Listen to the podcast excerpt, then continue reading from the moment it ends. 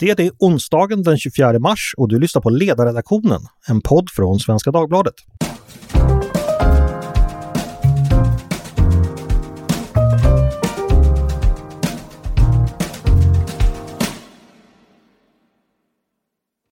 Hej och varmt välkomna! Mitt namn är Andreas Eriksson. Jag hoppas att vårsolen skiner på er. Idag ska vi ta oss an en kulturfråga. Artisten Yasin prisades i helgen av Sveriges Radios P3 för sin musik, samtidigt som han sitter häktad för stämpling till människorov. Är det rimligt? Vad tycker vi om det specifika fallet? Och vad säger diskussionen om Yasin i, i allmänhet något om synen på kultur och politik och på verk och person? Med mig för att diskutera de här komplicerade frågorna har jag Lisa Irenius som är kulturchef här på Svenska Dagbladet. Välkommen hit Lisa! Tack så mycket! Jag ska bara kort gå igenom bakgrunden så alla är med på den. Eh, Justin debuterade alltså med singeln DSGIS, Det som göms i snö, 2019 och slog igenom omedelbart, toppade Spotifys Sverigelista. Just nu har han över en, en miljon lyssningar i månaden och hans största hit som heter Trakten min har spelats över 24 miljoner gånger på Spotify. Men vid sidan av sin musik har Yasin också gjort sig känd i kriminella sammanhang.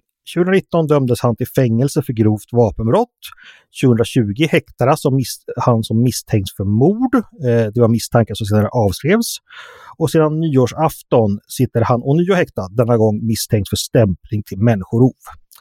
Och i helgen vann han alltså utmärkelsen för Sveriges, på Sveriges Radios eh, gala P3 Guld. Dels årets artist och dels årets hiphop och R&B. Eh, vinnarna Eh, röstades fram av P3s jurygrupper och P3s lyssnare. Det här har alltså väckt vissa reaktioner. Så här skrev LO-ekonomen Torbjörn Holle på Twitter. Hade Yasin bott på Södermalm och terroriserat Sveriges Radios chefer och familjer så hade han naturligtvis aldrig fått priset. Men eftersom han ägnar sig åt att förstöra livet för invandrad arbetarklass i förorten så är det en stark Det här höll vår minister Ardalan Shekarabi med om och han retweetade med kommentaren. Hårt men sant. Tryggheten för arbetarklassen borde väga lika tungt som tryggheten för den välmående akademiska medelklassen. Även före detta socialminister Annika Strandhäll var kritisk. Hon tyckte att det var, och nu citerar jag henne, det mest olyckligt i debatten kring Yasin är hur han beskrivs som en representant för unga i förorten och arbetarklassen. Det är respektlöst och fördomsfullt mot den enormt stora majoriteten vanliga, hedliga människor som både är livrädda och förbannade över den grova gängkriminaliteten och vad den för med sig för deras barn och vardag. Jag vet inte vilka kriterier P3 har när man nominerat artisterna i olika kategorier eller var de drar gränsen. Jag kan bara konstatera konsekvensen och tycker att det är en relevant diskussion hur man hanterar artister som är dömda och misstänkta för grova brott. Eh, och det är ganska många som tycker, som Shekarago på Strandhäll, att det är problematiskt när eh, en aktör som P3, eh, det skattefinansierade eh, Sveriges Radio, på det här sättet lyfter fram en artist som Yasin. Eh, så frågan är då, kan man skilja hans musikaliska gärning från hans kriminella bana? Eh, vi kan väl börja där. Eh, Lisa, den kritik som Shekarabi och Strandhäll och många andra för fram med, förstår du den kritiken och hur ställer du dig till den? Ja, alltså först vill jag säga att för, för mig är det ju givet att eh, Yasin får göra den musik han vill och uttrycka eh, vad han vill i den här musiken. Sen är ju den frågan eh, som är, är, är det rätt att han får pris? Jag kan förstå att folk reagerar på det. Det är en knepig fråga. Eh, till P3s försvar ska jag säga så att de själva erkänner det, att de själva tycker att det varit väldigt svårt. Eh, när han nominerades så eh, var han ju tidigare dömd för brott, men han var inte ännu häktad och det här åtalet som nu eh, har väckts fanns ju ännu inte med i bilden. Eh, och då, så då uppstod då frågan, skulle de dra tillbaka den här nomineringen? Eh, det är alltid när det gäller priser generellt en eh, svår gränsdragning. Hur mycket ska personen som prisas spela in?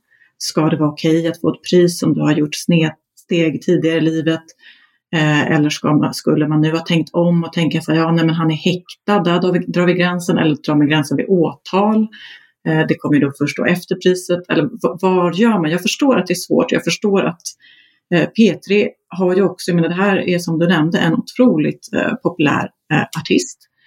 Eh, I sin genre är han också otroligt duktig. Det är inte en genre som jag är expert på, men jag kan ändå eh, bedöma det. Det är bra musik. Det blir också svårt att förbise det Och jag tror ändå att det är viktigt att de som gör forum som tjänar till bedömning av kulturella verk fokuserar just på de kulturella verken. Att det blir svårt när man går in och bedömer eh, personen. Men det, därmed sagt, det är svårt, tycker även jag. Och för mig är det inte heller självklart eh, med det här priset. Men om, om, vi säger så här då, att man ska, enbart ska bedöma de kulturella verken. Jassins eh, musik handlar ju mycket om hans liv och eh, där ingår ju då eh, de här kriminella sammanhangen han har ingått i. Nu har jag passat på lite i eftermiddag då att för första gången i mitt liv lyssna på Yassin och ja, han, han, är ju väldigt duktig men, men, det rappas ju en del om, om, att han sitter häktad med fulla restriktioner och därför han missar Petri Guld. Alltså då, då, då kan man ju kanske hävda att i hans fall så är de här kriminella gärningarna intimt förknippade med eh, hans konstnärliga verksamhet. Kan man mm. resonera så? Det, så kan man absolut eh, resonera att det finns ju i, i den här genren så eh, hänger verk och person tätt, och ihop, eh, tätt ihop. Eh, att det liksom är en del av grejen, en del av fascinationen också för musiken, att den handlar om det den bygger på, någon autenticitet. Det är därför också det fascinerar även långt det är inget nytt heller att det finns den här, ett utsvävande liv inom musiken och då rent av kriminalitet även inom rocken och metal, att det också bidrar till eh, berömmelse. Vi tycker det är lite och, häftigt helt enkelt. Är, är, det så? Ja, många tycker nog att det är fascinerande att det, det, är en del i att det får så stort genomslag. Eh, och för den yngre publiken är ju också vuxenvärldens reaktion att åh nej, det här är hemskt, bidrar också till lockelsen. Eh, så det blir som en eh, Eh, Eh, spiral där. Men däremot när det gäller ett pris ändå, eh, en bedömning, så tycker jag att då kanske ändå en jury måste Även om verket inte skiljer på verk och person så måste kanske juryn göra det och tänka, men är det här bra? Inte bedöma musiken moraliskt, hur är innehållet? Det är samma för litteraturen. Att det ska inte vara liksom moraliskt uppbygglig litteratur som eh, ger litteraturpriser utan det ska hålla en hög kvalitet i sin genre. Så, så det tror jag man måste göra. Sen så blir det här ju extra då för en dimension eftersom det är eh, public service.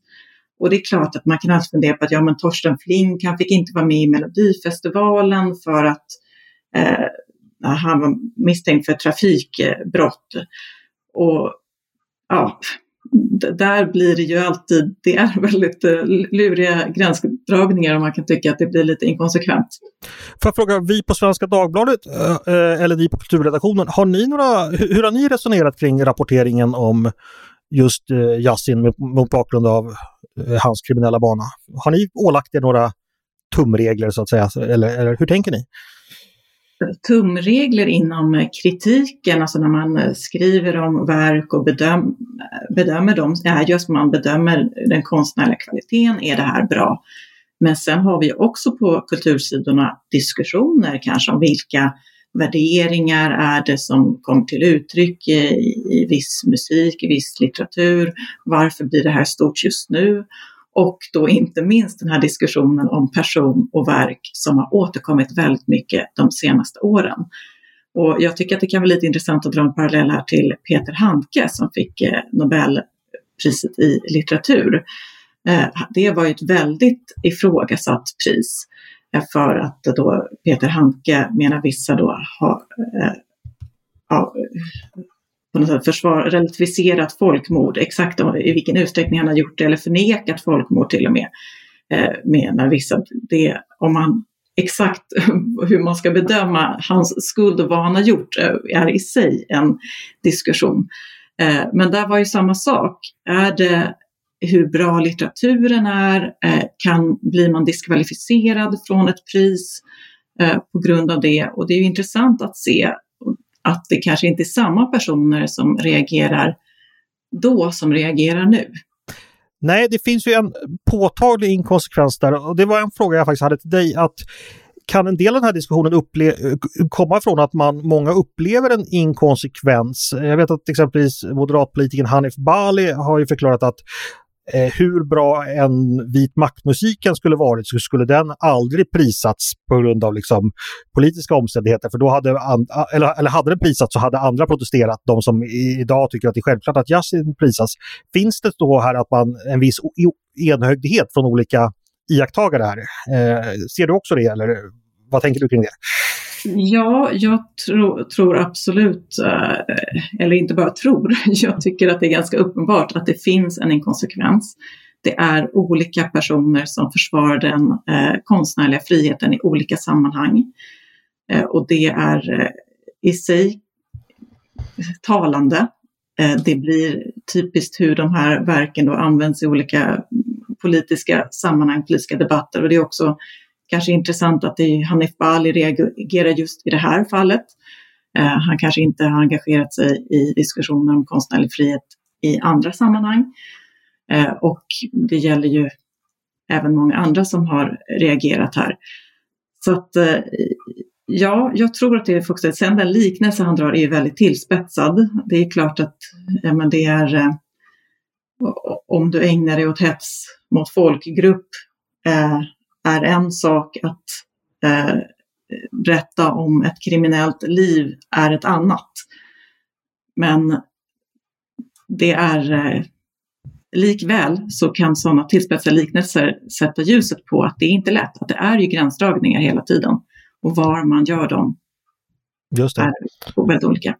Eh, en, en, annan fråga jag har också. Tycker du att ni som kulturjournalister eller kritiker eh, när ni lyfter fram kultur som kan tolkas eller till och med måste tolkas som att det glorifierar vissa destruktiva saker som exempelvis kriminalitet eller vad kan man ta annars, missbruk eller någonting. Har ni ett ansvar att förhålla er till det på något sätt i er kritikergärning? Hur ser du på det? Ja, det beror mycket på att man får bedöma lite från fall till fall. Alltså generellt så är ju kritikerns uppdrag då, som jag sa tidigare, att bedöma hur, hur bra är det här? Eh, inte kanske det moraliska innehållet, utan det kan ju vara upp till läsaren att bedöma. Samtidigt så blir det ofta en, också en diskussion kring så, men vad är budskapen, vad, vad vill det här verket, vad, vad säger... Ja, går, det, går det överhuvudtaget att skilja åt? Är inte det integrerat i varandra nästan? I alla fall i praktiken? Ja och nej. Eh, alltså, vi, nej, inte i alla fall. Det, det, det, tycker jag inte, utan det måste kunna vara, det kan vara en, en låt eller en roman som gestaltar något hem som får en att eh, känna, identifiera sig med en mördare. Eh, och det kan vara en jättebra roman, fastän det handlar om något förfärligt. Mm. Så, så om vi spetsar till det igen. Anders Eklund som eh, mördade Engla, han skulle alltså kunna göra, skriva en sång om det mordet som är så bra så att vi vill lyfta fram och, och hylla den på sina egna konstnärliga meriter trots att han, han sjunger om mord på, på ett barn. Om han skulle vara musikaliskt begåvad. Ja, det är ju en väldigt eh, tillspetsad oh ja, men... fråga. Eh, nej, alltså jag, jag eh, som sagt, jag tror att man måste det, det skulle vara omöjligt att inte diskutera det i det här fallet, eh, verkligen. Och eh, där är det ju också och där tror jag också att det spelar roll och det tycker jag också är en intressant sak med handkedebatten att när offren har ett namn mm. Eh, så blir det någonting också annat. Eh, och det kanske är ett problem i den här debatten att man, det är väldigt få som har lyft offren. Så hur har de, offren för, för våldet, hur, hur upplever de det? Eh, och det kanske är, i Handke-debatten så var det fler som gjorde det. Så tänkte jag, men hur känner de nu när Handke får det här erkännandet? Nu hade ju Handke inte heller det, han hade inte gjort något brott så, han hade bara uttryckt det som eh, många tyckte var förkastligt. Men där kan man, i det här fallet tror jag också att acceptansen blir större för att det inte finns något givet, inte förrän det här senaste fallet då kom in med stämpling eh, för eh, människorov så, ja, just det, just det. så fanns det ju inte riktigt några offer som man såg framför sig. Nej. Alltså jag tänker jag vet ju ingenting om kultur, men eh, som liksom politisk opinionsbedömare har jag, eh, tror jag att den här diskussionen har färgats ganska mycket av den politiska debatten kring kriminalitet och förorter i allmänhet där man från ena, där man då väldigt förenklat då, från höger tycker man att vänstern har tonat ner de här problemen medan man från vänster tyckte att högern tvärtom blåst upp den och dessutom skuldbelagt eh, alla människor i förorterna och att man dessutom försökt etnifiera den här de brottsligheten istället för att titta på sociala problem. Att det finns en infekterad politisk debatt här bakom och den här diskussionen då hamnar ganska lätt där, i alla fall när politiker som, som kanske Strandhäll och Hanif Bali eh, de har med sig så att säga sin politiska förförståelse in i den här frågan om kultur. Eh, tror jag är rätt ute om jag diskuterar så eller har, har du några tankar kring det? Jo, men verkligen, det tycker jag är väldigt tydligt och eh, det kan man ju se också i, i många politiska frågor att det då det finns ju många till exempel kulturpersoner som har aktualiserats i metoo-sammanhang. Eh, och vilka som engagerar sig i det, det är ofta personer som också engagerar sig i sådana frågor då, eh, politiskt. Eh, så att visst, och där, där är ett problem, där har man ju också fått kritik då för att då, de eh, att det skulle vara lite populistiskt och att man passar på att eh, eh, göra uttalanden i det här sammanhanget, att man istället borde fokusera på att åtgärda problemen eh, som samhällsproblem som är, är större. Men eh, det är samtidigt svårt att säga att människor som inte att människor inte ska få eh, reagera och eh, i, i, frågor som engagerar dem och eh, tycka till. Nej, det är klart. Eh, jag tänkte om vi tar lite, höjer blicken lite. Jag får för mig att det har blivit lite, att det skett en viss förändring så tillvida att eh, hö, högerns opinionsbildare då i, i vid mening tagit ett steg och tagit till sig lite av det som eh, tidigare varit vänsterns gebit och det handlar kring det här med deplattformering och att viss kultur ansetts skadlig. För tittar vi tillbaka på 1900-talet så är min bild då att då kom den kritiken ofta från vänster. Det var därifrån den stora kritiken mot videovåld och vissa dataspel och sexualisering av, i, i, i film och så vidare, eller, eller pornografi naturligtvis också. Den kom från vänster. Idag så har man, är det högern som ofta lyfter att kulturen är problematisk och därmed återknyter man till hur det kan se ut ännu längre tillbaka, i mitten på 1900-talet, då, då liksom högern ofta förfasade sig över osedlighet. Ser du, är jag rätt ute där tror du? Ser du motsvarande glidning och i så fall vad, vad tänker du om det? Ja, nej, men det är en intressant iakttagelse som jag tror det ligger någonting i. Det finns ju absolut väldigt starka rörelser för den här så kallade plattformering, att man personer som ja, men gör misstag i eh, offentligheten eller inte bara misstag som uttrycker sig eh, förkastligt eller gör förkastliga saker, att de ska helt enkelt inte få vara med i offentligheten. De ska inte få synas höras, de ska absolut inte få några priser. Eh, jag tycker det här är väldigt problematisk utveckling både till höger och vänster, för jag tror inte att det är lösningen att man framförallt inte inom kulturen, att man inte ska förneka att den ska få handla, och även om det är svåra och att även personer som ja, kommer från, har en problematisk bakgrund ska kunna uttrycka sig där. Så att eh, jag tycker att det är olyckligt helt enkelt att den här, det här får fäste i, mm. i på, så, i så många håll. Jag, jag ser någon sorts förlängning där man liksom, eh, det, det, blir någon sorts närmast hämndaktioner att ah, ska det inte få synas, då ska minsann inte det få synas heller. Och ska den bort från vår sida, då tar vi bort eh, från er sida också. Och sen så blir vi alla förlorare för att offentligheten blir smalare och tråkigare och otäckare också på, på något sätt, tänker jag. Eh, men för jag, jag menar, jag kommer ju som opinionsbildare från ett liberalt sammanhang där man på 90-talet och 00-talet satt och skrattade åt videovåldsdebatten, hur absurd den var, hur kunde man ens tänka sig att man, man skulle påverkas av det och så vidare. Men, men nu märker jag liksom att yngre personer inom borgerligheten lyfter liknande argument att det är nog problematiskt det här med gangsterrap, att ungdomen sitter och lyssnar på det. Och, och jag skäms ju närmast för att för, för det när jag hör sånt, för jag tycker det låter liksom som, som folk som satt i, i Studio 1 på 80-talet och, och eh, ja, representerar helt annan ståndpunkt än vad jag hade. Så att, ja, bara en reflektion. Mm, nej, men det, är ju, det är en intressant reflektion och det, det, är en förflyttning, helt klart. Så, så sker i hela offentligheten där. Men är kultur farligt så tillvida att vi riskerar att bli det vi lyssnar, läser och tittar på om det är otäcka, farliga saker? Den eviga frågan. Eh, nej, men eh, det har väl ändå gång... Visst, det finns ju då alltså, undersökningar, forskare som försöker ta reda på till exempel påverkas man av porr eller videovåld och så. Eh, men generellt så tror jag man kan, det är ingen som blir kriminell eller extremt få i alla fall eh, så av att eh, lyssna på musik eller läsa litteratur. Alltså det, eh, tvärtom så att ta del av kultur ger ju också andra perspektiv. Det ger eh, bildning, det sätter din egen eh, tillvaro i ett annat ljus. Du får för bättre, bättre förståelse för din omvärld.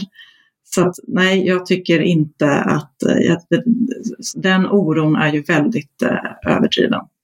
Däremot är det alltid intressant att Eh, resonera kring vilka värderingar är det som kommer till uttryck i kulturen. Och där tycker jag att man, det som är intressant också med Yasin är att det är väldigt eh, individualistiskt. Just att, apropå att man upplever att han försvaras till vänster så är det inte direkt några eh, vänstervärderingar han eh, står för utan det är verkligen den starkes rätt och jag ska vinna, jag ska ha det bästa, den dyraste, det är materialistiskt, jag ska ha bilarna och så. Så att eh, det, det är intressant. Ja, just det. Jag tänkte, eh, ni som kulturkritiker och eh, kulturskribenter, hur, hur, känner ni när politikerna kommer inklampande på kulturens, eller vi tyckare generellt kommer inklampade på kulturens område? Finns det en risk att kulturen politiseras i onödan, för det är klart det finns alltid en politisk dimension, men att det sker och blir för mycket och att det skapas politiska spänningar som riskerar att skymma eh, viktigare saker som kulturen har, har att ge oss. Ja, det är ganska många faktiskt på kultursidorna som eh, stör sig på det. Man har ju sett i den här debatten att det har just varit anklagelser mot eh, politiker och andra som getts in i den här debatten att de är det sägs vara populistiskt, det sägs vara vulgärt. Eh, jag håller nog ändå inte med. Jag tycker att det är intressant när kultur debatteras i, med, i större sammanhang. Eh, men det är klart att det ibland blir lite väl förenklande. Det, men i bästa fall kan det ju ändå leda till att när sådana här frågor lyfts också utanför kulturvärlden så tror jag det också kan leda till ett större intresse för kulturen och att även om det görs kanske en del förenklande uttalanden så kan fler eh, bli intresserade av dessa frågor och förhoppningsvis sätta sig in i dem lite bättre.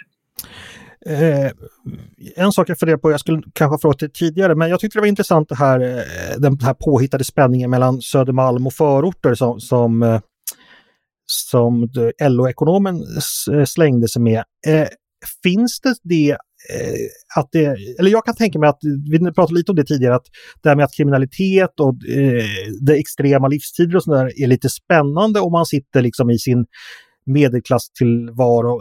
Har det funnits ett mått av, ska vi säga, fetischiserande av brottslighet och eh, kanske även droger och sådär hos eh, kulturtyckare? Att man gärna liksom man läser gärna om det, man diskuterar, man lyfter gärna fram det för att det är lite spännande och kanske lite coolt. Och själv var man en nörd som satt och läste i biblioteket hela tiden innan man gick kulturvetarlinjen och blev kritiker. Men nu får man äntligen chansen att ja, dyka ner i det här. Finns det något, eh, förstår du vad jag menar? Finns det någonting mm. sånt där? Jag tror att det finns ju, det, kan, det finns eh, vissa inslag av det tycker jag man kan ana, skönja, inget uttalat. Eh, och det finns ju definitivt eh, hos de som lyssnar.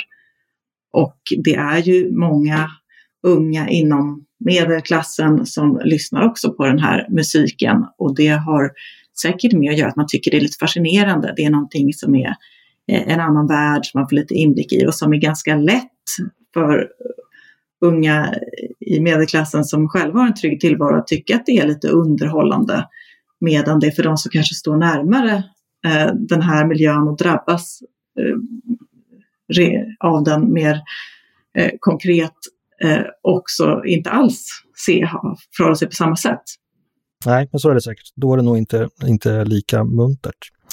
Ja men bra, jätteintressant att, att pr prata med dig eh, Lisa. Stort tack för att du var med. Eh, mm, tack själv. Ja, Kul att få vara med. Ja, du får jättegärna komma i framtiden också. När jag är bättre inlyssnad på uh, Yasin kan vi fortsätta diskutera Härligt. texter och så vidare. Eh, ni har lyssnat på Ledarredaktionen som är en podd från Svenska Dagbladet. Eh, ni är varmt välkomna att höra av er till redaktionen med tankar och synpunkter på det vi precis diskuterat eller om ni har idéer och förslag på saker vi borde ta upp i framtiden. Då är det bara att mejla till eh, ledarsidan svd.se. Jag ska också säga det att många av er har hört av er till oss om att ljudet är ganska dåligt. Och det är ju så att vi tyvärr inte sitter i studio och spelar in nu utan spelar in på distans och då, då är det svårt att få bra ljud. Vi gör vårt bästa men, men håll ut och håll i och håll så ska vi försöka undvika att hålla avstånd i framtiden och helt enkelt mötas i studio så fort som möjligt så kommer ljudet bli bättre. Tack för idag hörni! Eh, producent idag har varit Jesper Sandström. Själv heter jag Andreas Eriksson. Jag hoppas att vi hörs igen snart. Hej då!